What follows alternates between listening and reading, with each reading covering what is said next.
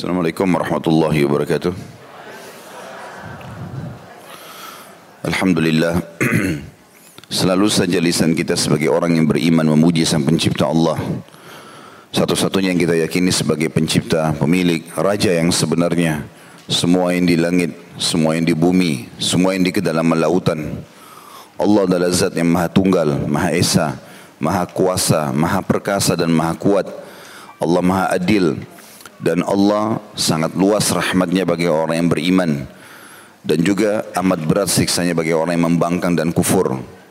Dia telah memudahkan kita untuk berhubungan dengannya dengan kalimat Alhamdulillah mudah sekali diucapkan dan menjadi penyebab utama segala kebutuhan kita di roda kehidupan di muka bumi ini dipenuhi. Maka jadilah orang yang selalu mengucapkan kalimat ini. Selanjutnya kita panjatkan salam hormat kita kepada manusia yang telah disuruh atau diperintahkan oleh Allah untuk mengucapkan salam hormat kepadanya karena telah mengemban amanah selama 23 tahun dari agama ini membawa kepada kita hukum dan syariat Allah Subhanahu wa taala sehingga kita tahu mana yang benar, mana yang salah, mana yang diperintahkan, mana yang dilarang, mana yang halal dan mana yang haram. Dan mengucapkan satu kali salam hormat kepadanya dibalas oleh Allah dengan sepuluh kali tambahan rahmat dan selalu kita ulangi rahmat Allah luas sekali. Masuk dalamnya pengampunan dosa peninggian derajat dan pemenuhan segala kebutuhan. Maka setelah memuji Allah sangat wajar kita selalu mengucapkan salawat dan taslim kepada Nabi besar Muhammad sallallahu alaihi wasallam. Melanjutkan bahasan budak buku kita adab mufrad yang tulis oleh Imam Bukhari rahimahullah. Dan kita melanjutkan di pasal atau bab 116 ya saya berharap suaranya tenang dulu ibu-ibu. Ya supaya suaranya tidak bentrok. Kita akan masuk ke hadis yang pertama di pagi ini, hadis nomor 228. Masalah judulnya di babnya menyingkirkan gangguan. Imam Bukhari berkata rahimahullah, Asim mengabarkan kepada kami dari Aban bin Sam'a, dari Abu Wazi' Jabir, an Abi Barzah, an Abi Barzah al-Aslami, radhiyallahu anhu qal qultu ya Rasulullah dullani ala amalin yudkhiluni al-jannah. Qala amitil adha an tariqin nas. Dari Abu Barza al-Aslami radhiyallahu anhu beliau berkata aku berkata kepada Rasulullah SAW wahai Rasulullah tunjukkanlah kepadaku amal perbuatan yang dapat memasukkanku ke dalam surga. Maka beliau SAW berjawab atau bersabda singkirkanlah gangguan dari jalan manusia Teman-teman sekalian, kita akan menjelaskan terlebih dahulu tentang masalah judul bab ini. Islam adalah agama yang sempurna dan agama yang selalu menyuruh seluruh penganutnya untuk berbuat kebaikan. Dan semua kebaikan diperintahkan, bahkan dijanjikan pahala atau balasan yang sangat besar. Jujur, amanah, tanggung jawab, bakti sama orang tua, jenguk orang sakit, bantu orang miskin, semuanya kebaikan. Senyum, ya, maka dermawan, ini semua adalah kebaikan-kebaikan yang dijanjikan juga pahala yang sangat besar. Kalau kita terapkan agama Islam dalam kehidupan kita, kita akan menjadi orang yang sangat baik. Disukai oleh Allah subhanahu wa ta'ala dan janjikan pahala besar, disukai oleh manusia. Begitu juga semua yang buruk-buruk. Apa pun sifatnya, menipu, giba atau gunjing, fitnah, mengganggu orang lain, bak budur haka sama orang tua, jahat dengan tetangga, apalah. Semuanya dilarang dan dibebankan ancaman yang berat. Dalam arti kata kalau kita terapkan Islam ini dengan apa adanya ya, dan kita terapkan semurni-murninya, maka kita akan menjadi orang yang sangat baik di muka bumi ini dan akan ada standarisasi. Mau itu orang Arab, orang Melayu, orang hitam dari Afrika, semuanya sama. Yang haramnya sama, yang halalnya sama, perintahnya sama, larangannya sama. Maka akan ada standarisasi, baik dari sisi akhlaknya, ya, muamalahnya, semuanya akan sama. Dan ini keindahan, ini sangat bagus. Makanya seorang muslim itu tidak lagi memandang orang ini berkulit hitam atau putih. Orang ini turunan dari mana. Tetapi kita tahu ini muslim. Maka hukum Allah subhanahu wa ta'ala sama berlaku padanya. Dan setiap kali kita nasihati kita mengatakan, bukankah Islam larangmu seperti ini? Bukankah Islam menyuruhmu seperti ini? Maka semuanya baik. Di antara hal yang kecil sekali, atau mungkin dianggap remeh oleh sebagian orang, dan ini sangat ditekankan dalam Islam untuk diperhatikan, yaitu memindahkan sesuatu yang berbahaya dari jalan. Memindahkan sesuatu yang berbahaya dari jalan. Apa pun sifatnya, duri, batu, kayu, yang mengganggu, ya, yang bisa membuat orang sulit untuk lewat atau kalau lewat pun bisa membahayakan mereka. Dan ini bagian daripada keimanan seorang muslim. Dalam arti kata banyak hikmah yang kita bisa ambil. Berarti kita dianjurkan untuk membersihkan jalan supaya rapi, bersih dan jangan sampai ada yang mengganggu. Lawan paham pemahamannya, maksudnya pemahaman ya rival dari pemahaman ini ya, bisa difahami mafhum mukhalafahnya juga adalah bagaimana kita uh, dianjurkan untuk tidak mengotori tempat-tempat itu. Tidak menjadi penyebab untuk membuang sampah, membuang sesuatu yang berbahaya atau mengganggu orang secara umum. Maka ini sebuah ya keutamaan yang luar biasa dalam Islam. Nanti akan kita baca beberapa hadis yang sangat banyak berhubungan dengan masalah itu. Oleh karena itu teman-teman kalau melihat sesuatu yang berbahaya di jalan, batu mungkin walaupun kecil, kayu, apalagi kalau yang berbahaya seperti paku dan yang lainnya maka kita pindahkan. Mampir sebentar pindahkan. Kalau kita lagi naik motor bisa ditendang ke samping, alhamdulillah gitu kan. Maka itu sangat baik dan jangan menjadi seperti orang-orang yang ya, melakukan justru kejahatan ini. Ada orang melakukan kriminal di sini ya. Mereka sengaja karena punya bengkel-bengkel, lalu mereka tancapkan atau menyebarkan paku di jalanan sehingga membuat ban mobil, ban motor orang pecah tanpa memikirkan keselamatan orang lain demi untuk orang mampir ya, di tempat dia supaya bisa memperbaiki ban. Nah, ini berapa rupiah yang didapatkan dan berapa besar risiko yang terjadi kalau orang kecelakaan. Belum tentu semuanya hanya sekedar uh, kempes bannya. Mungkin ada orang kecepatan tinggi, maka dia bisa terbalik mobilnya dan segala macam bahaya yang bisa terjadi. Hadith ini, hadith yang mulia, kandungannya, saya bahas dulu kandungannya, baru saya akan berikan insya Allah berbagi masalah syarahnya atau penjelasan. Kata penulis keutamaan menghilangkan segala bentuk gangguan dari jalan seperti duri, batu, kotoran, serta segala sesuatu yang menjijikkan dan dihindari oleh manusia. Hadis ini memberikan gambaran kepada kita yang pertama, siapa pun yang melihat masalah di pinggir jalan atau di tengah jalan, maka dia punya kewajiban untuk me me membersihkannya. Jadi sebuah kewajiban, bukan pilihan. Ya. Maka dia tentunya menjalankan itu. Kemudian Allah Subhanahu Wa Taala menjanjikan ini sebagai menjadikan sebagai sebuah ibadah atau pahala ya. Karena selama gangguan itu sudah pindah dari situ, kata ulama, maka secara otomatis siapa pun yang lewat di situ, ya dia akan merasa dia akan mendapatkan panen pahalanya. Karena semenjak gangguan itu terhil, terhilangkan dari jalan, maka akan berfungsilah jalan tersebut sebagaimana mestinya dan selama itu masih berfungsi, ya, sampai ada gangguan yang lain juga datang di situ, misalnya, berarti pahalanya berjalan. Ada hal yang saya ingin berbagi di poin ini. Misal teman-teman melihat ada jalan rusak. Hmm. Jangan hanya sekedar marah atau misalnya membumbung waktu untuk menyalahkan orang sehingga menggibah dan menyalahkan orang lain. Allah mudahkan kita punya rezeki, ya sudah, tutupin aja jalan itu. Bayangkan teman-teman kalau ada jalan yang lubang. Ya, kemudian kita biayai, anggaplah misalnya kita keluarkan 500 ribu, sejuta.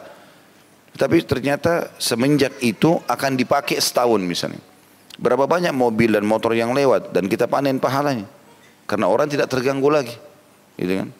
Got, tempat pembuangan air, itu juga termasuk bagian dari jalanan. Kalau di musim panas seperti sekarang, kesempatan bayar orang dikrok, ya misalnya kotoran-kotorannya dikeluarkan sehingga akhirnya saluran air berjalan dengan lancar. Berapa banyak pahala yang bisa kita panen dari situ? Berapa banyak orang yang selamat dari banjir, dari kotoran, dari bau busuk, ya. Apalagi sekarang sudah saya dengar ada beberapa e, temuan berhubungan dengan masalah bahan-bahan kimia itu yang bisa menghancurkan banyak ya eh, kotoran-kotoran segala macam mungkin kalau dicemplungin di air atau di got segala macam itu bisa segera melancarkan. Ini contoh-contoh saja. Dan ini hal yang bisa kita ambil dari hadis sebagaimana juga akan difahami lawannya. Berarti tidak boleh kita menjadi penyebab hal itu semua terjadi. Ya, sengaja merusak jalan, sengaja mengotori, sengaja ini dan itu. Ini semua berarti tidak dibenarkan. Ya. Karena saya lihat orang, ada orang iseng gitu. Ya, ada satu uh, seseorang yang pernah saya lihat di jalan itu, emang dia sengaja mengambil kotoran, kemudian ditaruh di jalan. Entah orangnya waras atau kurang waras gitu ya. Tetapi saya melihat mungkin kurang waras karena saya pas lewat Karena tidak mungkin kalau waras dia taruh ambil sengaja batu dihancurin, ditaruh di pinggir jalan. Dan itu seakan-akan memang akan menghalangi orang. Ini semua tidak boleh dalam syariat agama. Harusnya diperhatikan tentunya. Kemudian hadis yang selanjutnya masih bab yang sama. Nomor hadis 229 Imam Bukhari berkata rahimahullah Musa mengabarkan kepada kami ia berkata Uhaib mengabarkan kepada kami dari Suhail dari ayahnya an Abi Hurairah radhiyallahu anhu anin Nabi sallallahu alaihi wasallam qala marra rajulun muslimun bi syaukin fi tariq faqala la umitanna hadha asy-syauk la yadurru rajulan musliman faghufira lahu dari Abu Hurairah radhiyallahu anhu dari Nabi wasallam beliau bersabda seorang muslim berjalan melewati sebuah duri di jalan.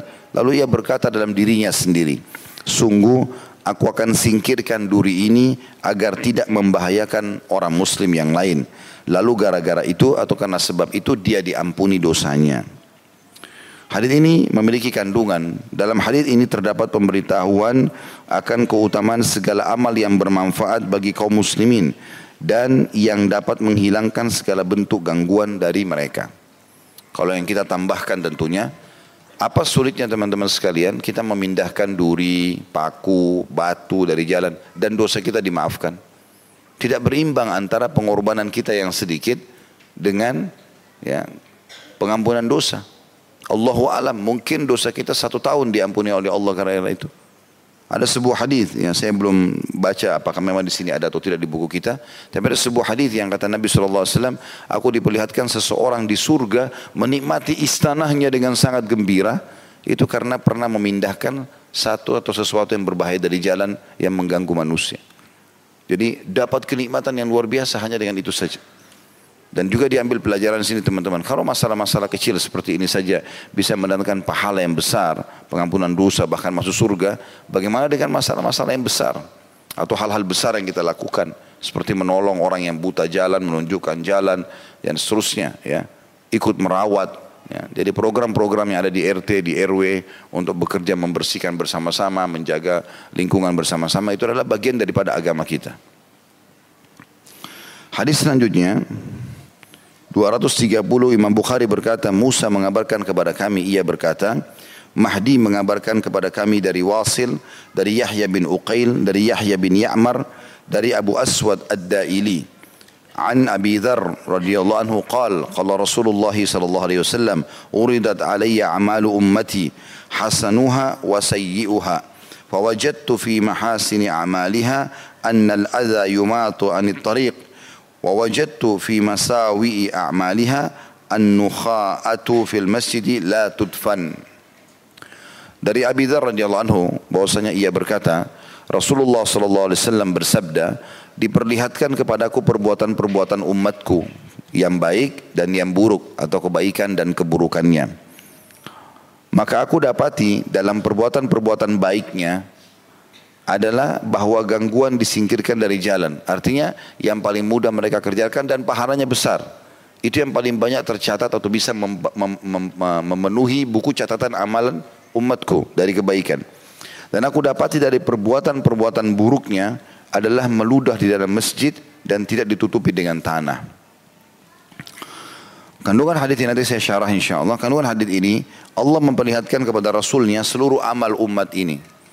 Artinya salah satu mukjizat ya, yang diberi, melihatkan yang diberikan Allah SWT kepada Nabi Muhammad SAW adalah diperlihatkanlah amal-amal umatnya. Dan ini artinya semua tidak terkecuali. Semua umat beliau dari zaman beliau alaihissalam sampai hari kiamat. Maka mayoritas yang beliau lihat adalah amal-amal kebaikan.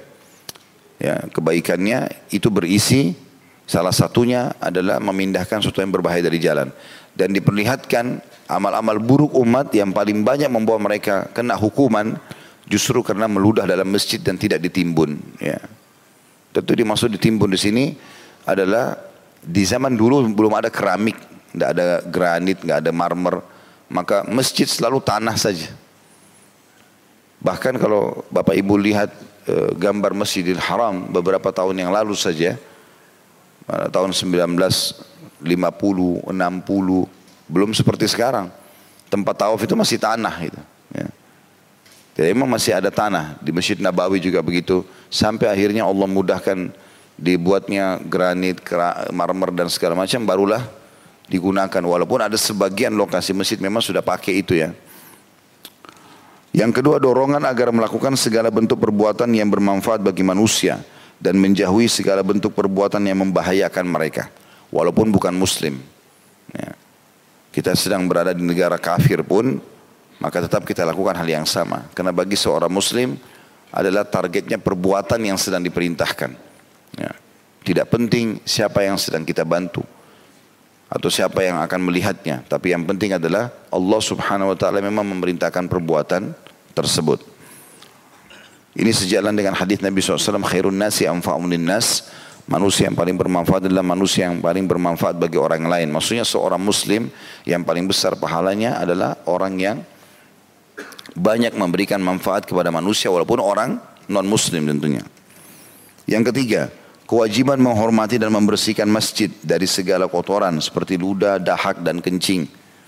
Dan ini tentunya sudah saya jelaskan tadi, yang dimaksud dengan ditimbun adalah zaman dulu orang atau masjidnya belum ada granit ataupun keramik atau marmer tentunya belum ada maka ada tanah biasanya orang kalau ada dahaknya dan orang juga zaman dulu tidak ada tisu maka mereka biasa membuang dalam masjid ini secara zahir hadis yang kelihatan adalah dia boleh melakukannya tetapi dia menimbunnya ya.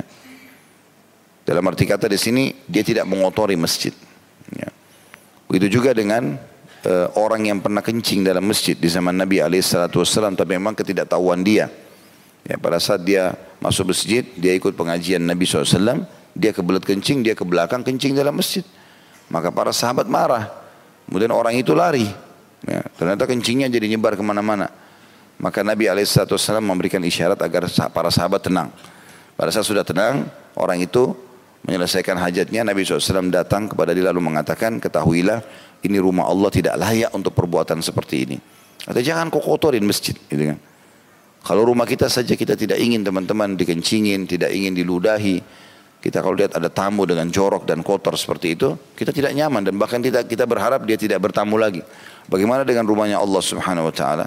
Ya. Dan ini juga perlu teman-teman dipahami masalah meludah, maaf masalah ngupil, masalah ngorek-ngorek kuping, menggigit kuku ya. Ini semua kebiasaan yang tidak baik. Tinggalkan. Ini hanya karena kebiasaan saja. Jadi biasakan kalau masuk kamar mandi bersihkan hidung, istinsyak seperti kalau kita lagi wudhu ya. Hirup air dengan tangan kanan, keluarkan dengan tangan kiri. Insya Allah akan keluar kotoran itu.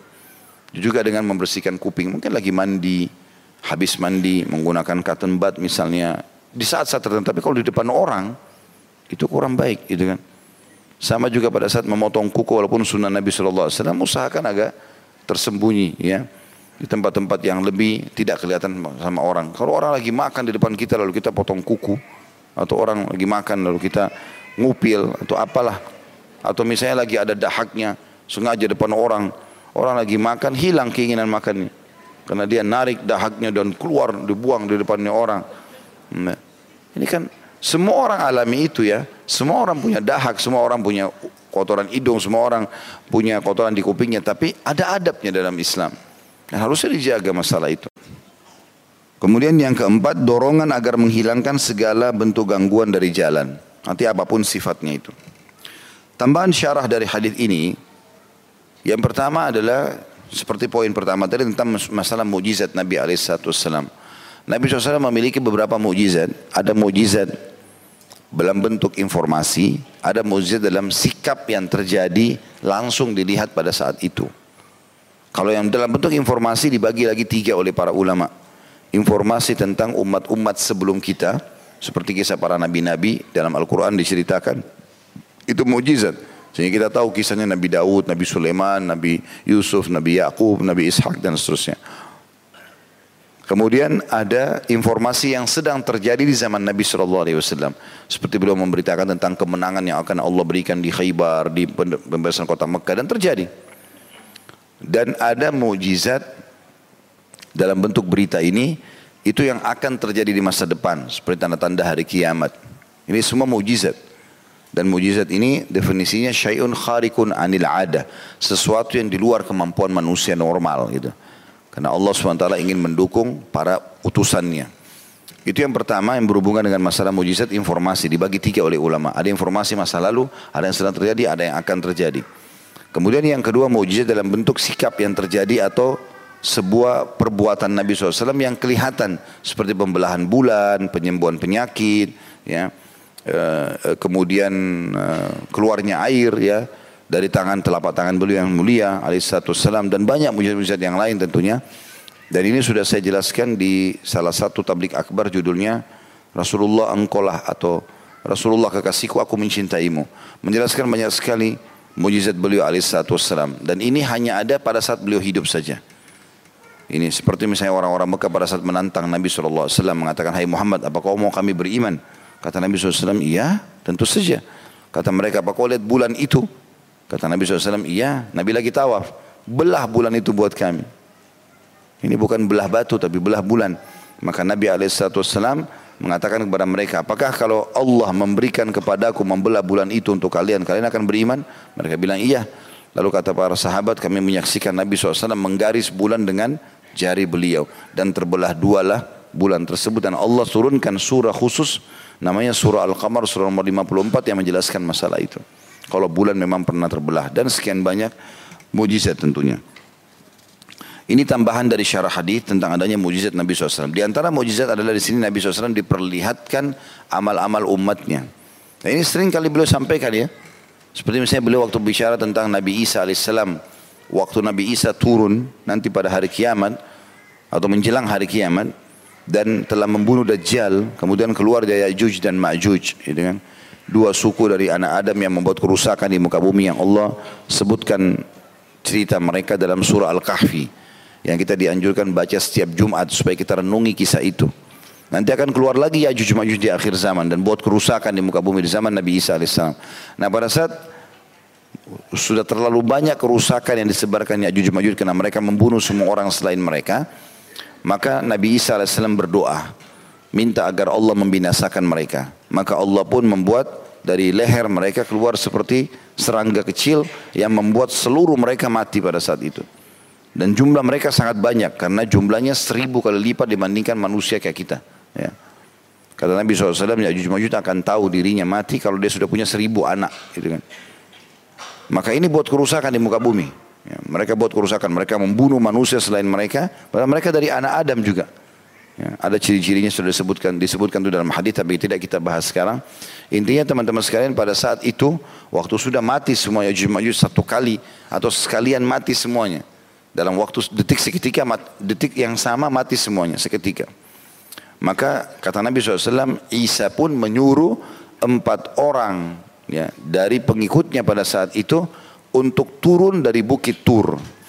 Dan mereka turun, kata Nabi SAW, sekarang saya diperlihatkan mereka. Keempat orang itu. Padahal nanti, mungkin orang ini belum lahir sekarang. Tapi Nabi SAW diperlihatkan.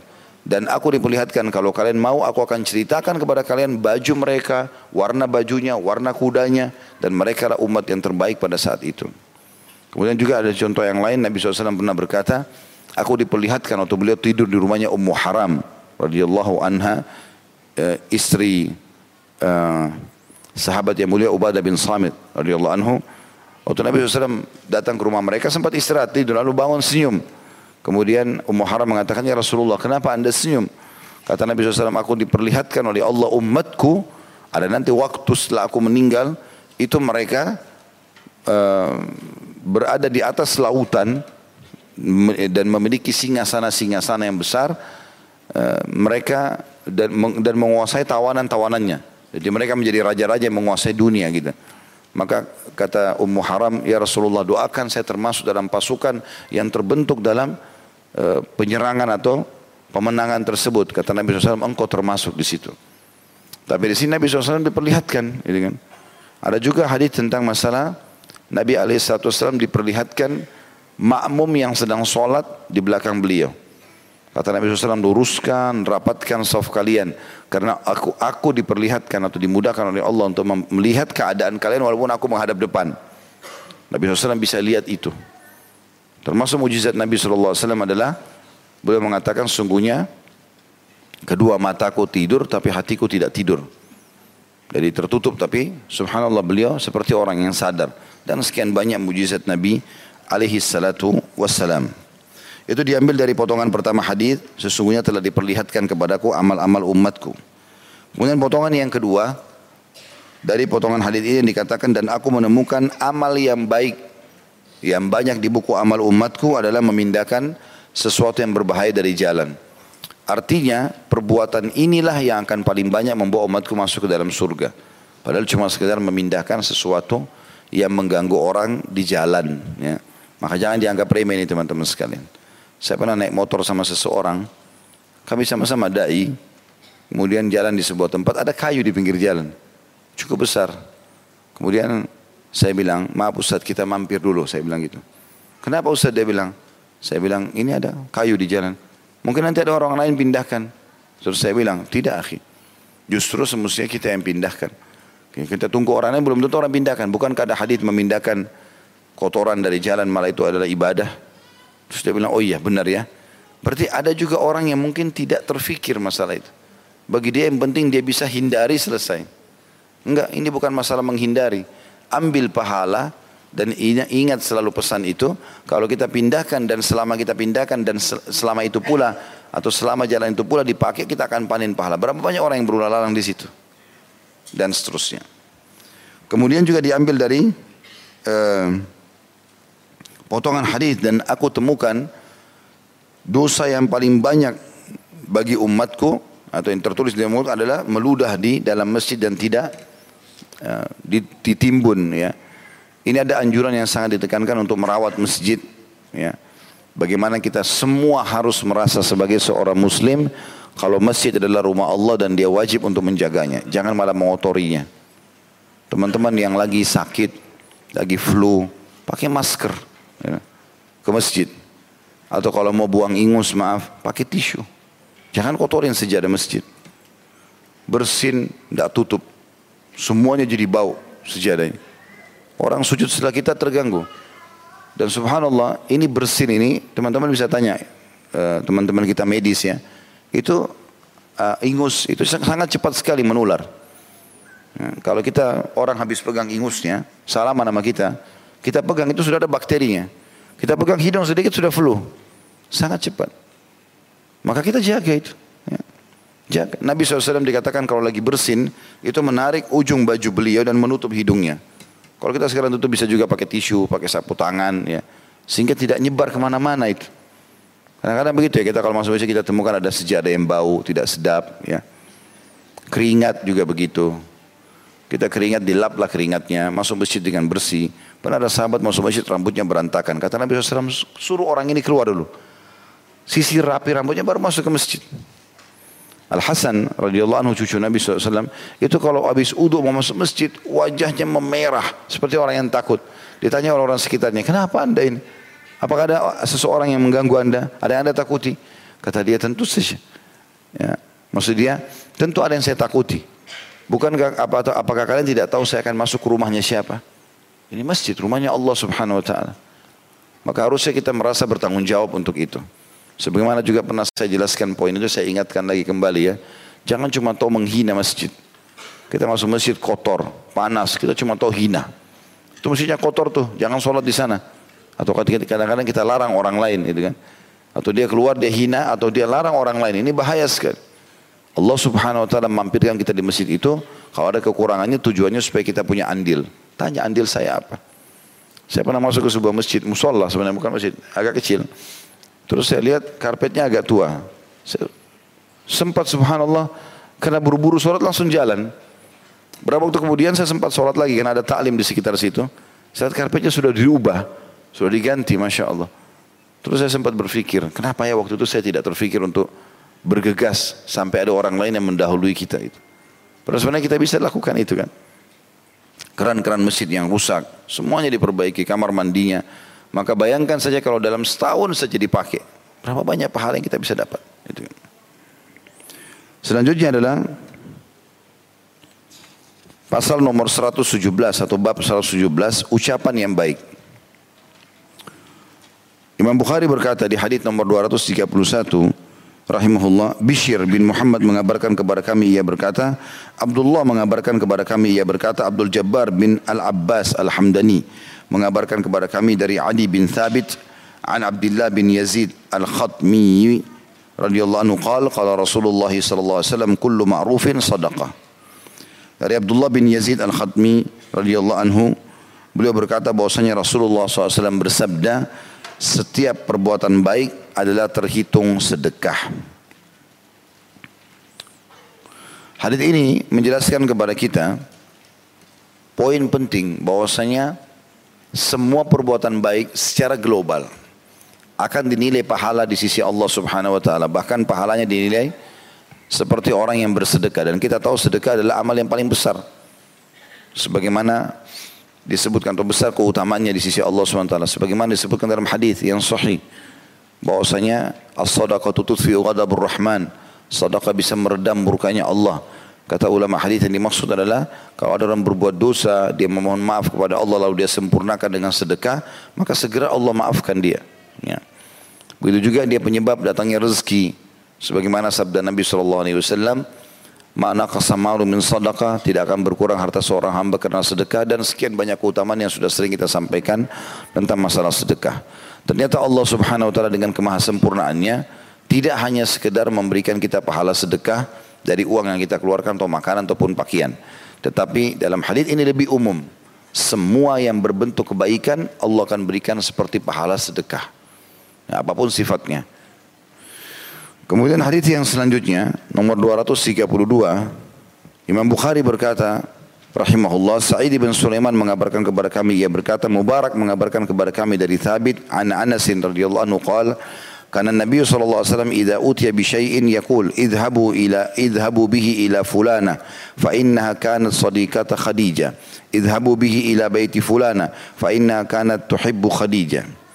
Dari Anas radhiyallahu anhu ia berkata, jika Rasulullah SAW diberi sesuatu, beliau selalu berkata, bawalah pergi ke fulana karena ia adalah temannya Khadijah. Bawalah pergi ke fulana karena ia dahulu mencintai Khadijah.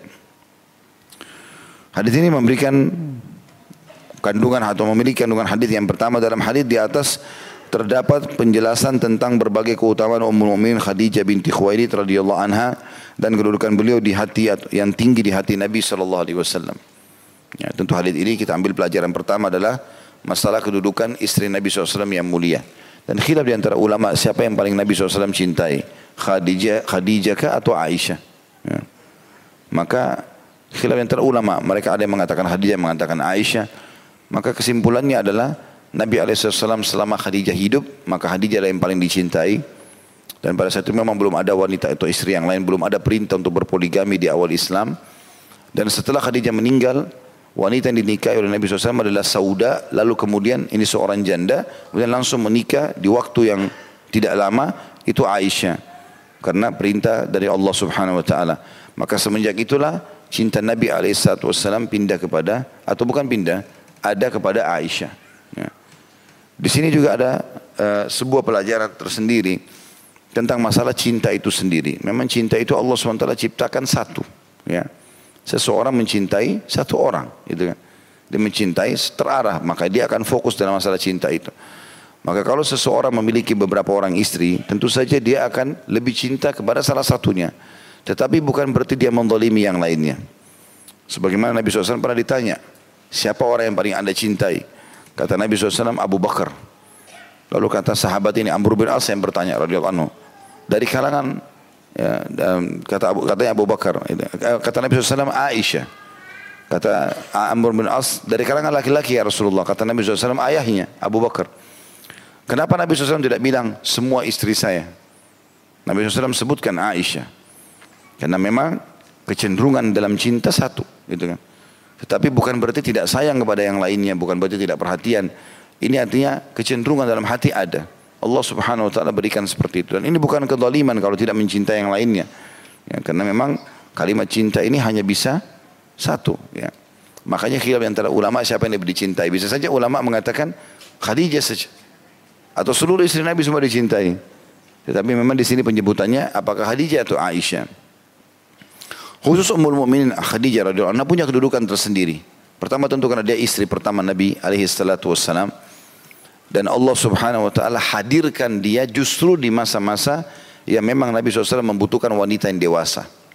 Ya.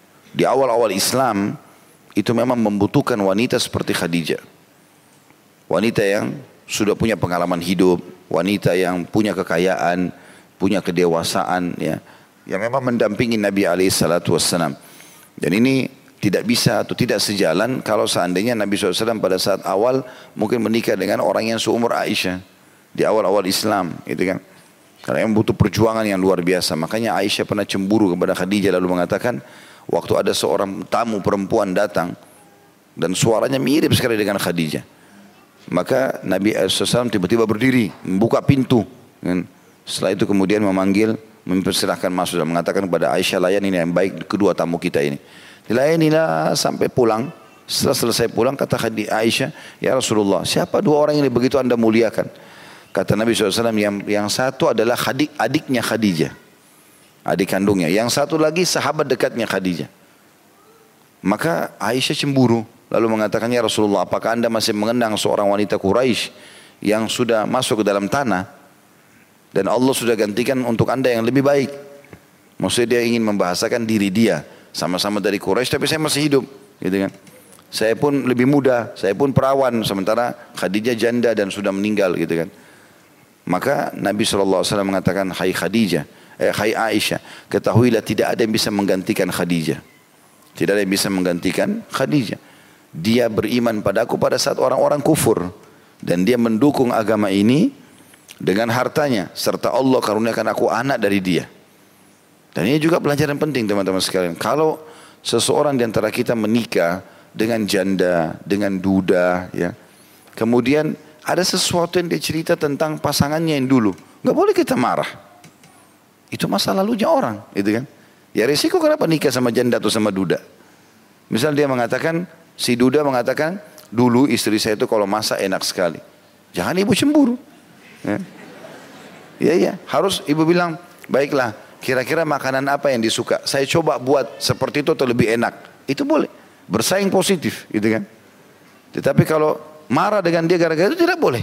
Ah nggak usah sebut-sebut. Di sini kan terbukti. Waktu Aisyah menyinggung Nabi SAW agar tidak mendebut Khadijah, malah Nabi tegur dia. Nggak bisa. Khadijah adalah orang yang lebih baik. Gitu. Begitu juga kalau orang menikah dengan janda. Ya, karena ini menikah dengan orang-orang yang sudah punya pasangan terlebih dahulu, kita pada saat hadir dalam kehidupannya harus kita lebih daripada pasangannya yang dulu. Nggak ada opsi lain. Beda kalau kita nikah sama bujang atau gadis. Mereka nggak punya pengalaman sebelumnya. Maka kita lah orang yang terbaik menurut dia. Tapi kalau janda atau duda, dia bisa banding-bandingkan dengan pasangannya yang dulu. Maka kita hadir dalam kehidupan mereka berarti kita harus menjadi orang yang lebih baik dari pasangannya sebelumnya. Itu salah satu konsekuensi dalam masalah rumah tangga gitu kan. Jadi ini keutamaan tersendiri dan Khadijah punya banyak keutamaan tentunya di antaranya dapat jaminan surga dan juga uh, dia sempat atau memiliki anak dari Nabi SAW enam orang, ya. dua laki-laki dan empat orang wanita. Walaupun anak laki-lakinya meninggal, tetapi Khadijah dan anak perempuannya Fatimah menjadi pemimpin wanita surga. Ya, dan ini satu karunia yang luar biasa dari seorang ibu dan anak Kata Nabi SAW ada empat wanita yang jadi pemimpin wanita surga. Dari seluruh dunia ini. Maka yang disebut pertama Khadijah. Kemudian anaknya Fatimah. Barulah Asia dan juga Maryam. Atau Maryam dan Asia. Ada riwayat tentu ber, ber, berbeda ya. Ada yang mengatakan Maryam dulu. Kemudian dan jelas urutan dalam empat wanita ini ada ibu sama anak sekaligus. Padahal bisa saja wanita lain. Tapi ini berarti punya kedudukan tersendiri. Ya, punya kedudukan tersendiri. Maka pernah satu kali Nabi Alaihissalam pulang ke rumah dan Khadijah saking cintanya dengan suaminya radhiyallahu anha sampai dia bisa tahu dari raut wajah suami ini lapar atau enggak? Butuh sesuatu atau tidak? Itu biasa karena perempuan pakai perasaan. Kalau dia tulus cinta dengan suaminya akan muncul seperti itu. Maka dia tahu Nabi SAW lagi butuh makanan. Dia pun langsung pamit ke belakang lalu dia siapkan makanan kesukaan Nabi SAW karena perbuatan itu Allah turunkan Jibril alaihissalam Lalu Jibril mengatakan, Hai Muhammad, ini Khadijah. Sebentar lagi datang. Akan bawa makanan kesukaanmu nih. Karena perbuatan itu, Allah kirim salam kepada dia. Sampaikan salamnya Allah. sampaikan juga salamku kepadanya. Dan sampaikan gara-gara perbuatan ini dia akan mendapatkan istana di surga yang tidak ada kebisingan. Apa kata ulama hadis? Kenapa harus ada bahasa istana di surga yang tidak ada kebisingan? Memang surga tenang. Apa makna daripada kalimat ini? Karena Khadijah kata para ulama itu tidak pernah mengangkat suara di depan Nabi alaihissalam. Maka Allah pun menilai sebagai sebuah sebagai sebuah ibadah tersendiri. Ya, makanya syaitan banyak menggoda wanita untuk mengangkat suaranya teriak-teriak depan suaminya. Sampai kata Nabi SAW, setiap wanita itu bisa masuk ke dalam surga karena perbuatan baik pada anaknya. Kalau bukan karena buruknya muamalahnya pada suaminya, maka mereka akan masuk ke dalam surga langsung. Jadi kadang-kadang perbuatan sama suami ini banyak dibengkalaikan oleh banyak wanita. Padahal sebenarnya ini diambil dari pelajaran Khadijah radhiyallahu anha orang yang luar biasa. Saya pernah ya, berteman dengan seseorang, ada dokter dari Riyadh. Beliau sering datang ke Indonesia, kadang-kadang isi daurah, kadang-kadang uh, daurah itu saya kayak pesantren kilat, kadang-kadang juga uh, membuka jaringan-jaringan bisnis pada saat itu. Dia cerita, dia bilang, Khalid saya mau nikah sama wanita Indonesia. Saya bilang baiklah coba nanti kita tanyakan kalau ada yang berminat gitu kan. Kemudian saya sempat tanya, kenapa mau menikah sama wanita Indonesia? Apa sebab? Dia bilang saya pernah tersentuh waktu saya lagi mau pulang ke dari Jakarta. Ada satu ibu dia bilang orang Indonesia itu sama suaminya lagi mau umroh tapi transit Riyadh baru pergi ke Mekah. Ya, baru ke Jeddah baru masuk ke Mekah gitu. Dia bilang ibu itu selama 8 jam penerbangan dari Jakarta ke Riyadh nggak pernah tidur. Sibuk lihat suaminya. Suaminya butuh apa dia penuhi. Bahkan dia bilang Khalid bayangkan belum suaminya baru lihat ke arah sesuatu misalnya air. Udah dia langsung berdiri mengurusnya gitu. Dan saya sampai gara-gara itu saya biasanya pulang dari Jakarta ke Riyadh ini tidur istirahat 8 jam lama. Tapi karena gerak-geriknya ibu ini sering bolak-balik ambil makanan, ambil ini, temani suaminya ke kamar mandi pun suaminya masih segar. Tapi ditemani sampai pintu kamar mandi ditungguin. Pulang keluar ditemani. Kata dia ini menarik perhatian saya. Gara-gara itu saya mau nikah sama wanita Indonesia. Dia tidak tahu padahal itu cuma satu mungkin. Allahu alam ada atau tidak. Saya juga tidak tahu apakah setelah itu dia nikah sama manusia atau tidak. Tapi yang jelas saya sempat ceritakan masalah itu. Cuman yang saya ambil pelajaran dari situ. Ada wanita begitu subhanallah. Dia begitu menikah dia sudah faham. Kalau ini pintu surganya. Udah sibuk dengan itu deh. Kan tidak ada susahnya ngurus suatu orang ini. Kemudian masuk surga. Kan enak sekali ibu-ibu itu sebenarnya. Gitu kan. Laki-laki harus urus banyak urusannya. Urusannya di luar rumah, urusannya dalam rumah, urusannya anak-anak, wah luar biasa gitu. Apalagi kalau dia poligami harus uruskan banyak istrinya itu kan, ya. Nah iya. Ini dinafkahi, ini dinafkahi, ini dilindungi kan banyak. Perempuan cuma satu saja tuh laki-laki. Urus dia mati masuk surga kan enak. Cuma banyak orang melalaikan masalah kebaikan seperti itu. Yang kedua diambil kandungan hadis adalah selayaknya seseorang mengirim hadiah kepada para sahabat dan berkerabat istrinya. Ini sebuah pelajaran lain ya. Berbuat baik kepada orang yang pernah berbuat baik pada istri atau suami kita itu adalah satu hal yang diperintahkan dalam agama. Jadi Nabi SAW tetap mengenang kebaikan istrinya yang sudah meninggal dengan cara berbuat baik pada orang-orang yang pernah dekat dengan istrinya. Dan ini sebuah hal tersendiri, punya bab sendiri. Dan misalnya ada ibadah, ada ada fadilah, ada keutamaan tersendiri. Dan ini yang disebutkan dalam hadis. Kalau setiap kali Nabi SAW dapat makanan, kiriman apa-apa, pasti dia bilang antarkan kepada si fulana. Fulana ini maksudnya nama perempuan, tapi Nabi di sini di riwayat tidak disebutkan. Ya, karena ini teman-teman Khadijah. Antarkan kepada rumahnya si fulana. Gitu kan. Jadi dua di sini ya. Karena itu adalah sahabatnya Khadijah. Sebab yang lain adalah karena dulu orang itu mencintai Khadijah. Jadi subhanallah termasuk bentuk cinta Nabi SAW kepada istrinya adalah beliau pun memperhatikan orang-orang yang pernah mencintai istrinya atau berbuat baik dengan istrinya. Maka ini berarti setelah meninggal pasangan pun dianjurkan untuk tetap berbuat baik dengan sanak kerabatnya, orang-orang dekat dengan dia ya, termasuk mertua, ipar, orang-orang yang dekat dari sahabatnya ya. Ini semua muamalah yang sangat baik dianjurkan untuk tetap melanjutkan hubungan. Tapi tentu yang dibolehkan secara syar'i ya.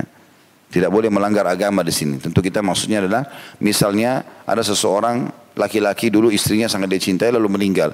Ada teman-teman istrinya lalu dia memberikan kepada mereka santunan-santunan sebatas hukum syar'i maka tidak ada masalah. Tapi bukan berarti oh ini kan pengganti istri saya sudah berduaan di mobil, ya padahal bukan mahram, nggak boleh. Ada sesuatu yang haram, jadi ada batasan-batasannya. Itu juga perempuan yang sudah jadi janda, suaminya meninggal, dia berbuat baik dengan teman-teman suaminya. Dengan cara tetap misalnya memberikan makanan atau berbuat baik dengan mereka pada saat dibutuhkan apa yang dia mampu saja. Tidak ada pelanggaran agama, maka itu semua masuk dalam penjelasan hadis ini tentunya. Kemudian yang ke hadis selanjutnya nomor 233, Imam Bukhari berkata rahimahullah, Muhammad bin Kathir mengabarkan kepada kami, ia berkata, Sofyan mengabarkan kepada kami dari Abu Malik al-Ashja'i, dari Rib'i, an Hudzaifah radhiyallahu anhu qala Qala nabiyyukum kullu ma'rufin sadaqah. Tadi Hudzaifah anu dia berkata, Nabi SAW bersabda atau beliau berkata, Nabi kalian SAW bersabda, setiap kebaikan adalah sedekah. Jadi artinya eh, hadis yang nomor 231 dan 233 ini sama mirip lafadznya dan seakan-akan hadis nomor 232 merincikan masalah itu. Artinya semua yang dianggap baik akan mendatangkan pahala. Termasuk berbuat baik dengan teman-teman pasangan kita. Ya. Ini semua termasuk adalah ibadah di sisi Allah subhanahu wa ta'ala. Selanjutnya kita masuk ke 118 atau pasal atau bab ya. Saya sering mengatakan bab atau pasal karena memang tidak disebutkan dalam buku kita ini. Semuanya langsung berurut begitu saja keluar ke ladang sayur dan membawa sesuatu di pundaknya kepada keluarganya dengan kantong dari pelapah kurma. Begitu judulnya. Hadis pertama Nomor 234 kata Imam Bukhari rahimahullah, Ishaq bin Makhlad mengabarkan kepada kami dari Hammad bin Usama dari Mis'ar, ia berkata Amr bin Qais mengabarkan kepada kami an Amr bin Abi Qurrat al-Kindiyah qala arada Abi ala Salman uh, ukhtahu fa aba wa tazawwaja maulatan lahu yuqalu laha Bukairah. فبلغ أبا, قر أبا قرة أنه كان بين هذيفة وسلمان شيء فأتاه يطلبه فأخبر أنه في في مبقلة له. فتوجه إليه فلقيه ومعه زبيل فيه بقل. قد أدخل عصاه في عروة الزبيل. وهو على آتقي فقال يا أبا عبد الله ما كان بينك وبين هذيفة؟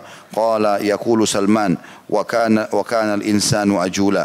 فانطلق حتى أتيا فانطلقا حتى أتيا دار سلمان فدخل سلمان الدار فقال السلام عليكم. ثم عدنا لأبي كرة فدخل. فإذا نبت فإذا نمت موضوع على باب وعند رأسه لبينات وإذا قرطات فقال اجلس على فراش مولتك التي تمهد لنفسها. ثم أنشأ يحدثه فقال إن هذيفة كان يحدث بأشياء. كان يقولها رسول الله صلى الله عليه وسلم في غضبه لأقوام. فأوتي أو فأوتى فأسأل عنها. فأقول هذيفة أعلم بما يقول وأكره أن تكون ضغائن بين أقوام. فأوتي هذيفة فقيل له إن سلمان لا يصدقك ولا يكذبك بما تقول. فجاءني هذيفة فقال يا سلمان ابن أم سلمان. فقلت يا هذيفة ابن أم هذيفة لتنتهين أو لأكتبن فيك إلى عمر. فلما خوفت خوف فلما خوفته بعمر تركني. وقد كان رسول الله صلى الله عليه وسلم وقد قال رسول الله صلى الله عليه وسلم من ولد آدم أنا فأيما عبد من من أمتي لعنته لعنة أو سببته سبة في غير كهني أو في غير كهه فأجعلها عليه صلاة.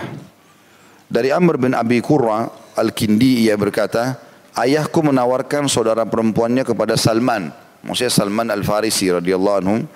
Tetapi ia menolak dan malah ia menikahi atau menikah dengan bekas budak perempuan yang bernama Bukairah.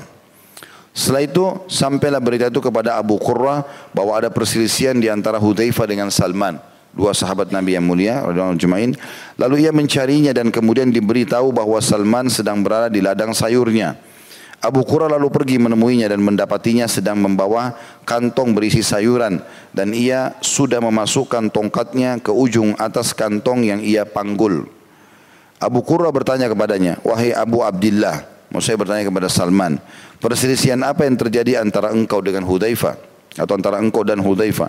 Salman berkata, lalu berkata, sungguhnya manusia itu terburu-buru membaca surah Al-Isra ayat 11. Lalu keduanya berangkat menuju rumah Salman. Salman lalu masuk rumah kemudian mengucapkan Assalamualaikum. Lalu ia mengizinkan Abu Qurra untuk masuk. Abu Qurra lalu masuk dan terlihat ada permadani diletakkan di atas pintu dan bagian atasnya ada batu-batu dan juga pelana. Salman berkata, duduklah di atas tempat tidur budak perempuanku yang ia siapkan yang ia siapkan dirinya. Salman lalu mulai bicara. Sesungguhnya Hudzaifah berbicara tentang berbagai hal yang pernah diucapkan oleh Rasulullah sallallahu alaihi wasallam di saat beliau marah kepada orang-orang. Lalu aku ditanya tentang hal itu. Aku katakan, Hudzaifah lebih tahu tentang apa yang diucapkannya. Dan aku tidak senang terjadi permusuhan di antara orang-orang. Kemudian Hudzaifah dipanggil dan dikatakan kepadanya, Salman tidak membenarkan dan tidak juga mendustakan ucapanmu. Hudzaifah lalu menemuiku dan mengatakan, Wahai Salman, putra Ummu Salman. Lalu aku katakan, Wahai Hudzaifah, putra Ummu Hudzaifah. Hendaknya engkau berhenti atau aku laporkan kepada Umar. Ketika dia kuancam dengan Umar, dia lalu meninggalkanku dan Rasulullah SAW telah bersabda aku adalah salah satu dari anak Adam siapa pun dari umatku aku laknat atau aku hina bukan karena kesalahannya maka aku jadikan itu doa rahmat baginya kita baca dulu kandungan hadisnya asar ya yang pegang buku asar. Asar itu maksudnya seperti riwayat lah ya. Asar di atas menunjukkan perangai terpuji dari para sahabat. Karena Salman radhiyallahu tidak suka mengungkapkan permasalahan yang, yang dialami oleh sebagian sahabat dengan Rasulullah sallallahu alaihi wasallam, baik yang ada kalanya terjadi atau jarang terjadi.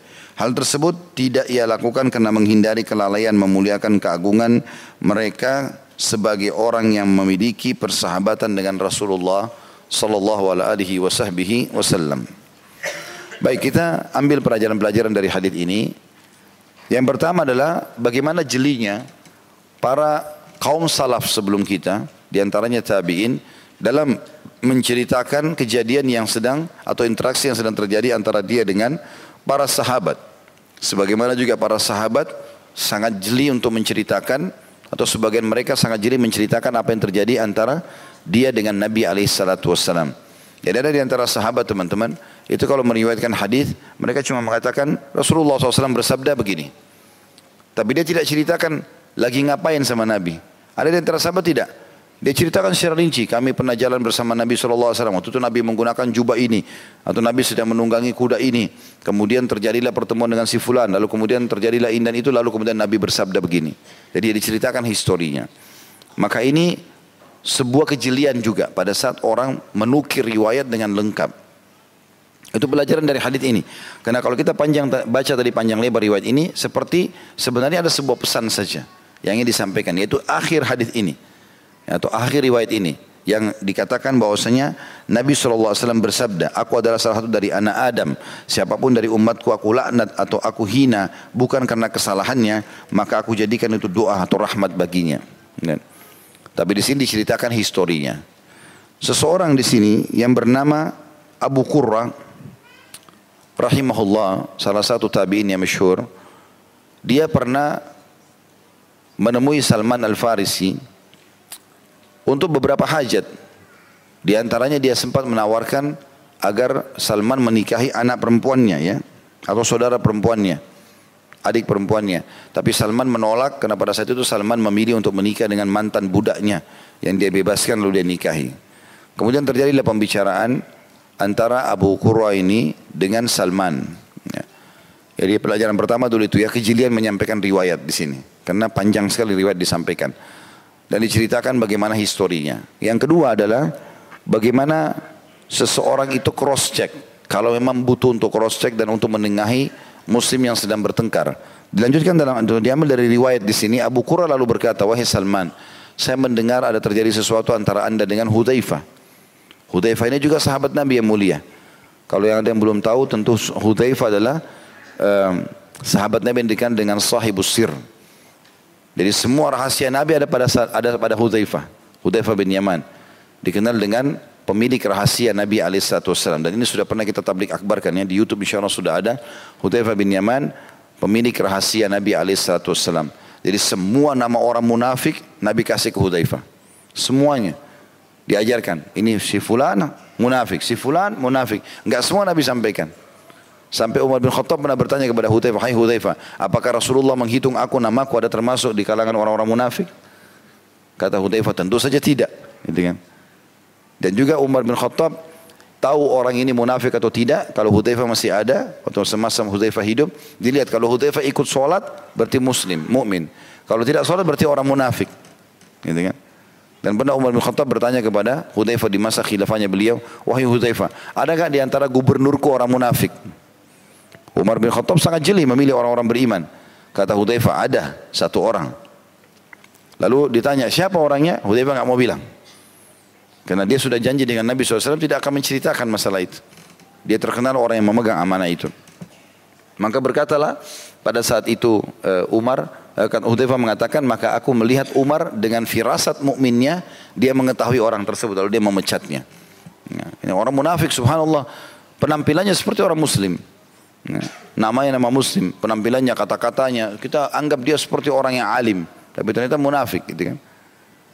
Begitu juga dengan Salman. Salman Al-Farsi adalah ulamanya sahabat. Ulamanya sahabat. Ini bukan orang biasa gitu. Karena dia pernah menganut agama Nasrani dan menjadi pendeta mereka.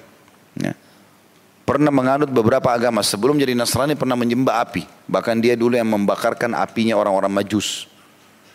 Sampai akhirnya dia masuk ke dalam, dia pernah ikuti orang Yahudi. Bahkan pernah menjadi budaknya Yahudi di Madinah. Dan mengikuti ajaran mereka sampai faham dan akhirnya mengikuti risalah Nabi Muhammad SAW. Jadi dia melalui proses yang luar biasa. Ada hadis Nabi SAW yang berbunyi, termasuk orang yang mendapatkan dua pahala adalah orang yang pernah menganut agama Nabi sebelum sebelumku lalu beriman kepadaku. Jadi misalnya orang Nasrani, dia beriman, beriman pada risalah Nabi Isa alaihissalam. Kemudian dia masuk Islam, berarti dia beriman kepada risalah Nabi Muhammad SAW. Ini pahalanya jadi dua, karena seperti dia beriman pada dua Nabi, gitu kan. Salman Al-Farisi melalui tiga, Yahudi, Nasrani dan juga ya Islam. Ya, ada riwayat yang menjelaskan bahwasanya beliau sempat menjadi budak orang Yahudi dan mengikuti ajarannya. Ada juga yang mengatakan tidak. Dia tetap dalam keadaan agamanya Nasrani dan akhirnya dia jadi budak orang Yahudi sampai datangnya Nabi SAW baru dia masuk Islam. Tapi jelas orang ini punya kedudukan tersendiri dan terkenal semua dengan kesolehannya. Pernah terjadi cekcok antara kedua orang ini, sahabat ini. Cekcoknya itu pada hal ilmiah ya padahal ilmiah. Jadi Hudzaifah bin Yaman radhiyallahu anhu orang yang sangat semangat menyampaikan hadis. Saking semangatnya sampai beliau menceritakan semuanya. Kecuali yang Nabi SAW suruh rahasiakan seperti nama-nama orang munafik beliau tidak jelaskan. Tetapi kalau misalnya pernah terjadi pertengkaran antara Nabi SAW dengan eh, bukan pertengkaran, ada pernah terjadi eh, Nabi SAW menegur sahabat. Ya, Teguran ini oleh Hudzaifah dinukil. Hmm. Pernah Nabi SAW menukil, uh, dinukil sebuah riwayat, maaf ada orang keluarkan angin di masjid. Gitu kan. Di majelis begini dia keluarkan angin. Maka sebagian orang menghardiknya. Maka Nabi SAW marah dengan orang-orang. Kata Nabi SAW, apakah kalian marah dengan sesuatu seperti itu? Jadi hardikan seperti ini misalnya, Nabi SAW biasa menegur sahabatnya, itu oleh Hudzaifah dinukil semuanya dengan niat menukil lengkap riwayat-riwayat itu kan gitu. Tetapi Salman tidak suka itu. Salman radhiyallahu mengatakan tidak perlu dinukil yang seperti itu. Nukil inti bahasannya apa? Tidak usah nukil yang berhubungan dengan masalah Nabi pernah marah dengan para sahabatnya misalnya. Karena takutnya orang salah faham. Padahal Nabi SAW marah pada tempatnya gitu kan. Intinya dua-duanya beristihad dengan masalah itu. Dan itu ternyata tersebar di kalangan muslimin. Maka Abu Qurra ingin menengahi masalah itu. Mungkin dia bisa bantu gitu kan. Maka dia bertanya, hai Salman apa yang terjadi? Maka Salman mengatakan, membaca surah Isra ayat 11 tadi, Khulikal insanu ajula, sesungguhnya manusia diciptakan penuh dengan ketergesa-gesaan. Seakan-akan dia mau bilang, sebenarnya Huzaifah tergesa-gesa dalam menyampaikan banyak riwayat gitu. Kemudian dia mengatakan Abu Qurra, saya ingin tahu lebih jauh. Apa yang bisa saya bantu? Maka teruslah mereka jalan bersama berdua Salman dan Abu Qurra sampai tiba di rumahnya Salman. Kemudian Salman mengucapkan salam pada saat masuk dalam rumah dan ini termasuk adab dalam syariat kita untuk mengucapkan salam walaupun tidak ada orang di dalam rumah ya. Dalam surah An-Nur begitu. Allah SWT mengatakan dan salamlah buat diri kalian untuk uh, sebagai kata sambutan yang baik dari Allah. Kemudian setelah itu dia mengatakan masuklah hai Abu Qurra dan duduklah di tempat yang sudah disiapkan oleh istriku. Nanti ada tempat yang biasa diduduki oleh Salman, dia suruh tamunya duduk di situ. Barulah kemudian Salman cerita.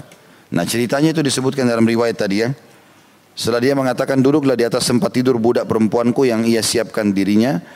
Salman lalu mulai bicara. Sungguhnya Hudzaifah berbicara tentang berbagai hal-hal yang pernah diucapkan oleh Rasulullah SAW di saat beliau marah kepada orang-orang. Ya.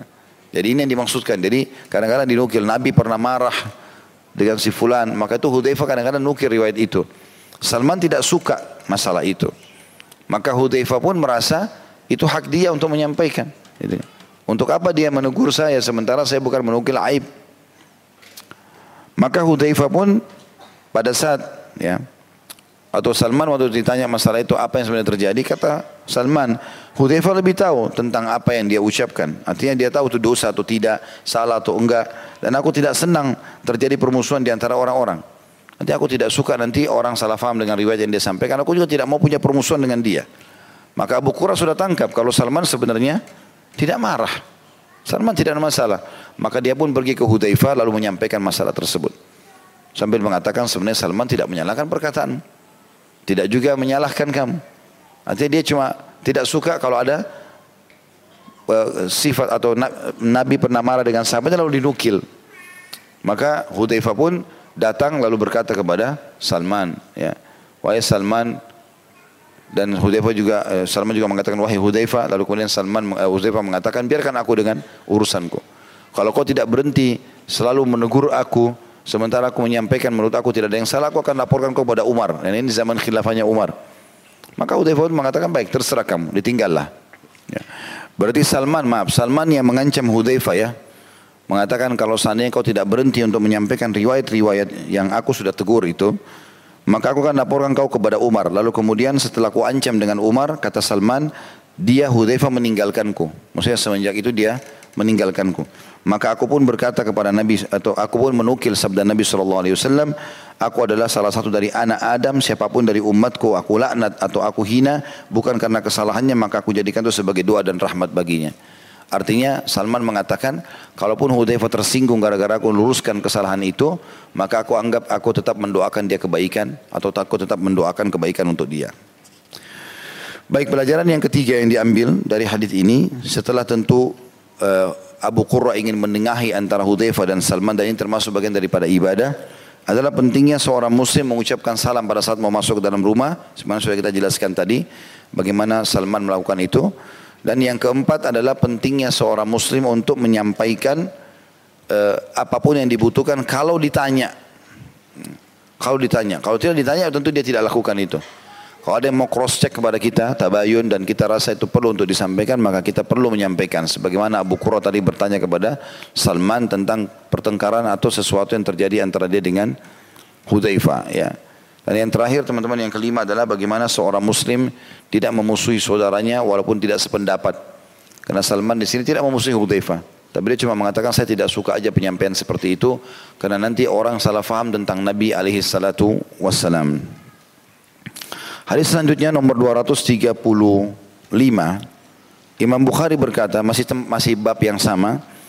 Ibnu Abi Syaibah mengabarkan kepada kami ia berkata Yahya bin Isa mengabarkan kepada kami dari Al-A'mash dari Habib dari Sa'id bin Jubair an Ibn Abbas radhiyallahu anhu maqal qala Umar radhiyallahu anhu ukhruju bina ila ardi qaumina فخرجنا فكنت أنا وأبي بن كعب وأبي بن كعب وأبي بن كعب في مؤخر الناس فحاجت سحابة فقال أبي اللهم اصرف عنا عذاها فلحقناه فلحقناهم وقد وقد ابتلت رحالهم فقالوا ما أصابكم الذي أصابنا قلت إنه دعا الله عز وجل أن يصرف عنا عذاها فقال عمر ألا دعوتم لنا معكم dari Ibnu Abbas radhiyallahu anhu ia berkata Umar radhiyallahu anhu berkata pergilah bersama kami ke tanah kaum kami lalu kami pergi aku dan Ubay bin Ka'ab adalah orang terakhir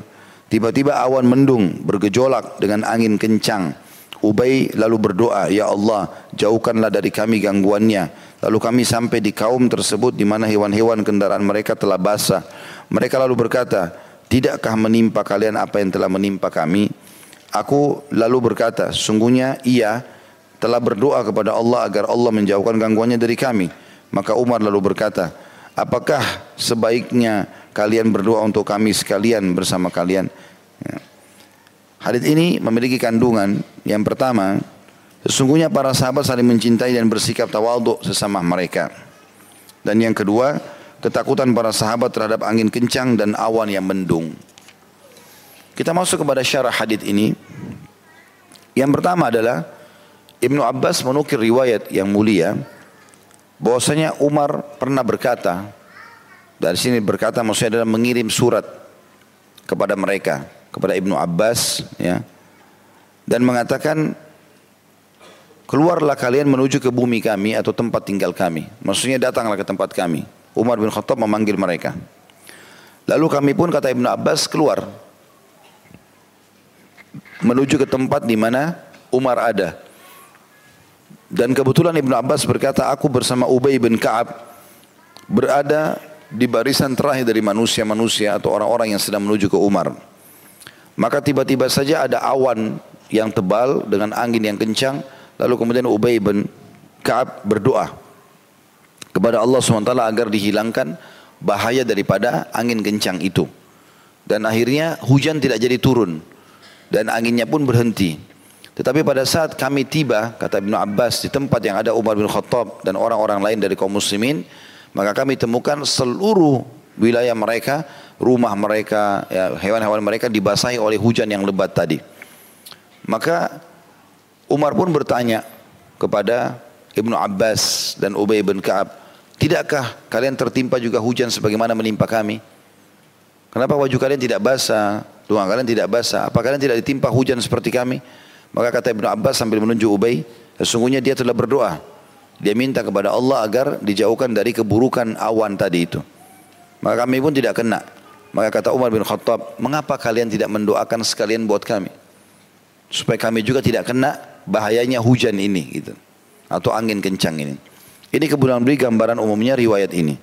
Pelajaran yang pertama yang kita ambil dari sini adalah bagaimana Ubay bin Ka'ab atau keutamaan Ubay bin Ka'ab yang mustajab doa. Ini tidak dinukil dalam buku kita tentunya.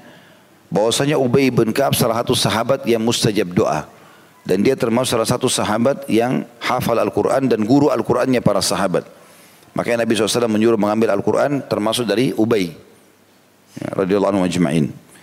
Dan ini di antara doa mustajabnya adalah pada saat dia lihat angin kencang, kemudian mendung dan kelihatannya bukan turun hujan yang biasa tapi hujan yang sangat lebat yang bisa membahayakan maka beliau minta agar dijauhkan dari keburukannya.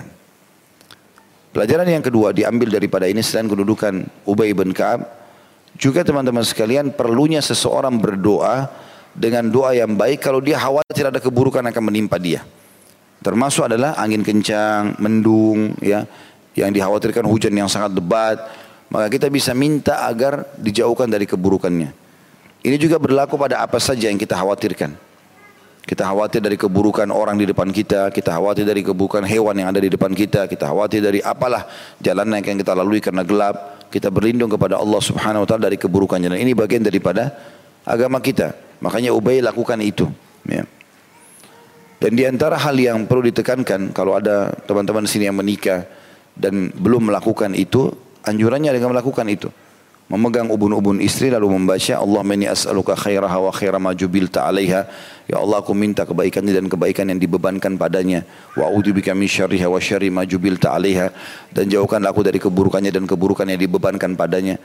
Begitu juga ini dianjurkan oleh Nabi SAW untuk diucapkan pada saat membeli hewan tunggangan ya. Untuk meminta berlindung kepada Allah minta kebaikannya dan berlindung dari keburukannya gitu kan. Karena ini selalu akan ada uh, interaksi antara kita dengan semuanya ini. Kemudian juga diambil pelajaran dari hadis ini yang ketiga adalah bagaimana Umar bin Khattab radhiyallahu anhu meminta agar didoakan oleh Ubay atau oleh orang-orang saleh secara umum. Dan ini dibolehkan dalam syariat kita selama memang orang itu masih hidup. Kalau orang itu masih hidup, bapak ibu boleh mengatakan doakan saya. Kedua orang tua, orang soleh. Ya, kita mengatakan doakan. Dan sering kali para sahabat datang kepada baginda Nabi SAW dan minta begitu. Doakan saya, doakan saya. Doakan kesembuhan, doakan ini, doakan itu. Pernah Ummu Sulaim radhiyallahu anha, ibunya Anas bin Malik radhiyallahu anhu, Ummu Sulaim ini menikah dengan Malik. Malik meninggal dalam keadaan kafir, gitu kan. Dia berant, diajak masuk Islam oleh Muslim tidak mau dia keluar dari rumahnya sambil marah berantem sama salah satu uh, musuh-musuhnya lalu dibunuh. Lalu menikahlah Ummu Sulaim dengan Abu Talha, salah satu orang yang soleh yang masuk Islam setelah Ummu Sulaim menjanjikan uh, mengatakan bahwasanya masuk Islam cukup jadi maharku. Nah, anak dari suami pertama Muslimin dari Malik namanya Anas. Anas bin Malik masyhur perawi hadis, kan. Selalu kita baca Anas bin Malik, Anas bin ini seorang sahabat yang mulia. Nah Anas bin Malik ini dibawa oleh ibunya Ummu Sulaim mengatakan kepada Nabi SAW mengatakan ya Rasulullah jadikanlah Anas ini sebagai pembantu anda. Ya supaya dia juga bisa belajar, bisa segala macam. Maka Nabi SAW terima. Dan Anas menceritakan aku telah menjadi pembantu di rumah Nabi SAW selama 10 tahun. Nah, belum pernah aku menemukan Nabi SAW menghardik atau memarahi istri-istri juga pembantu-pembantunya. Tapi jelas teman-teman sekalian waktu itu Ummu Sulaim sempat mengatakan ya Rasulullah doakanlah Anas ini. Dia akan berkhidmat kepada anda, jadi pembantu anda dan doakanlah dia. Maka Nabi SAW mendoakan, Ya Allah, panjangkanlah umurnya Anas dan luaskan, eh, luaskanlah rezekinya dan perbanyaklah keturunannya. Luaskanlah rezekinya dan perbanyaklah keturunannya. Maka Anas bin Malik mengatakan, doa Nabi SAW terus berlaku padaku sampai aku memiliki anak dan keturunan atau anak dan cucu mencapai jumlah 100 orang. Nah, dan beliau menjadi orang yang sangat kaya raya karena doa Nabi SAW. Berarti ini juga pelajaran. Kita boleh minta didoakan oleh orang-orang yang soleh. Mungkin di antara orang yang kita minta doakan itu adalah orang yang mustajab doa. Kita nggak tahu, itu kan. Tapi syaratnya ingat ya, masih hidup dan tidak berlaku bagi orang mati. Gak boleh kita datang ke kuburan minta kepada orang mati itu supaya memberikan kita keselamatan dan seterusnya. Nah, sudah pernah saya jelaskan itu. Setelah Nabi SAW meninggal dunia, kurang lebih 30 tahun atau 30 tahun lebih Aisyah radhiyallahu anha masih hidup. Dan ini ranjangnya Aisyah, ini adalah kuburan Nabi SAW. Belum pernah satu kali pun ada riwayat dinukil bahwasanya Aisyah membuka rumahnya radhiyallahu anha dan menyuruh para sahabat untuk ambil tanah kuburan Nabi SAW atau taruh air supaya berkah atau berdoa minta Nabi yang menolong mereka. Tidak pernah dinukil karena memang para sahabat faham masalah itu. Mereka meminta kepada Allah subhanahu wa ta'ala secara langsung. Dan Abu Bakar sudah mengeluarkan statement yang sangat jelas pada saat Nabi SAW meninggal dunia. Dan beliau mengatakan siapa yang menyembah Muhammad, Muhammad telah meninggal dunia. Sallallahu alaihi wasallam. Dan siapa yang menyembah Allah, Allah hidup. Ya artinya kalian sekarang kembali kepada Allah SWT. Kalau Nabi SAW masih hidup gak ada masalah. Ada beberapa sahabat mengatakan kami memiliki ya e, doa mustajab selama Nabi kami masih hidup. Ada riwayat lain juga dikatakan kami memiliki dua senjata. Yang satu sudah hilang yaitu meninggalnya Nabi sallallahu alaihi wasallam. Yang kedua tinggal istighfar kami kepada Allah atau memohon ampun kami kepada Allah Subhanahu wa taala. Jadi nabi pun tidak boleh dimintai pada saat sudah meninggal dunia. Kalau masih hidup berbeda. Dan cukup banyak riwayat yang berhubungan dengan masalah itu. Juga Umar bin Khattab pernah memberikan contoh yang baik di zaman khilafahnya beliau sempat musim peceklik, panas sekali, kemarau. Maka beliau ajak sholat istisqa, minta turun hujan. Ya, begitu beliau sholat istisqa selesai, beliau menghadap ke makmumnya untuk atau kepada jemaahnya untuk mengajak mereka bertobat dan memohon ampun. Maka beliau pun mengatakan setelah mengajak mereka tobat ya Allah sesungguhnya waktu nabi kami masih hidup kami jadikan nabi kami perantara antara kami dengan engkau. Dan sekarang nabi kami sudah meninggal maka ini pamannya Abbas pamannya nabi yang masih hidup. Ya dia akan berdoa terimalah doanya. Maka Abbas pun berdoa lalu turunlah hujan pada saat itu. Berarti Umar bin Khattab titip pesan, Nabi sudah meninggal, nggak bisa lagi kita berdoa melalui Nabi. Berdoanya kepada orang yang masih hidup dan ini pamannya masih hidup. Seperti itulah. Ini kurang lebih gambaran yang berhubungan dengan masalah hadis kita tadi. Jadi boleh kita minta didoakan oleh orang-orang soleh. Sebagaimana Umar tadi bilang. Ternyata hujan sudah turun lebat di tempatnya Umar di Madinah. Dan itu akhirnya hujannya bukan semasa hujan biasa. Tapi membuat basah kuyup dan akhirnya seperti ada banjir gitu kan. Mengganggu gitu. Kalau hujan secara umum rahmat Allah subhanahu wa ta'ala. Tetapi hujan yang seperti ini dikhawatirkan malah membuat masalah bagi orang-orang. Nah waktu mereka datang Ibnu Abbas dan Ubay radhiyallahu anhu majma'in datang ke Madinah, waktu Umar panggil suruh datang, begitu mereka tiba Umar lihat bajunya enggak basah segala macam, padahal segala semua basah. Kenapa kalian bisa begini? Kata Ibnu Abbas doanya Ubay. Maka Umar mengatakan kenapa kalian tidak mendoakan kami sekalian? Ya, seperti itulah. Ini juga diambil sebuah pelajaran penting teman-teman. Kalau berdoa doakan secara umum. Kalau kita mau pahala besar, selalu libatkan dalam doa kita muslimin dan muslimat. Karena kata Nabi SAW, siapa pun yang memohon ampun untuk seorang untuk muslim atau berdoa buat mereka, maka Allah akan berikan setiap muslimnya satu pahala. Sekarang jumlah umat Islam mendekati angka 3 miliar. Kalau teman-teman bilang Allah makfir lil muslimin wal muslimat, ya Allah ampunilah orang muslim dan muslimah, berarti kita dapat langsung 3 miliar pahala. Ya, kalau kita bilang al-ahya min wal amwat yang hidup dan juga yang sudah mati, yang mati Allah alam berapa banyak? Itu hitungan kurang dari satu menit, hitungan detik saja. Allah maghfir lil muslimin wal muslimat, ampunilah seluruh muslim dan muslimah. Itu luar biasa doa doanya. Juga selalu mendoakan agar ketentraman, kebahagiaan, kemenangan diberikan kepada umat Islam. Ini juga termasuk doa-doa yang mulia tentunya. Kita sudah membahas dua buah pasal ya.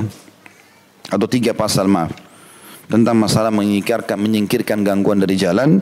Kita juga sudah membahas tentang ucapan yang baik atau perbuatan-perbuatan bisa dinilai pahala semuanya perbuatan baik. Dan yang ketiga adalah yang kita bahas tadi tentang masalah bagaimana seseorang itu ya menjaga hubungan baiknya dengan saudara muslim dan kalau ada apa-apa maka dia perlu meluruskan ya dan menjelaskan apa sebabnya dia atau terjadinya retakan dengan saudaranya dan dia perbaiki masalah itu. Allahu a'lam. Dan insya Allah kita akan lanjutkan pertemuan akan datang di bab 119 ya. Baik begitu saja mudah-mudahan bisa diambil manfaat dari apa yang kita pelajari hari ini. Subhanakallahumma bihamdika asyhadu an la ilaha illa anta astaghfiruka wa atubu ilaik. Uh, sebelum saya mengucapkan salam di sini Masya Allah ada Dr. Zaidul Akbar hadir saya lihat. Kalau teman-teman yang sudah atau yang belum tahu di Instagram beliau bisa diikutin banyak sekali pengobatan nabawiyah yang diajarkan. Mudah-mudahan masalah kesuburan juga ada dok. Ada ya? Baik insya Allah. Itu saja. Wassalamualaikum warahmatullahi wabarakatuh.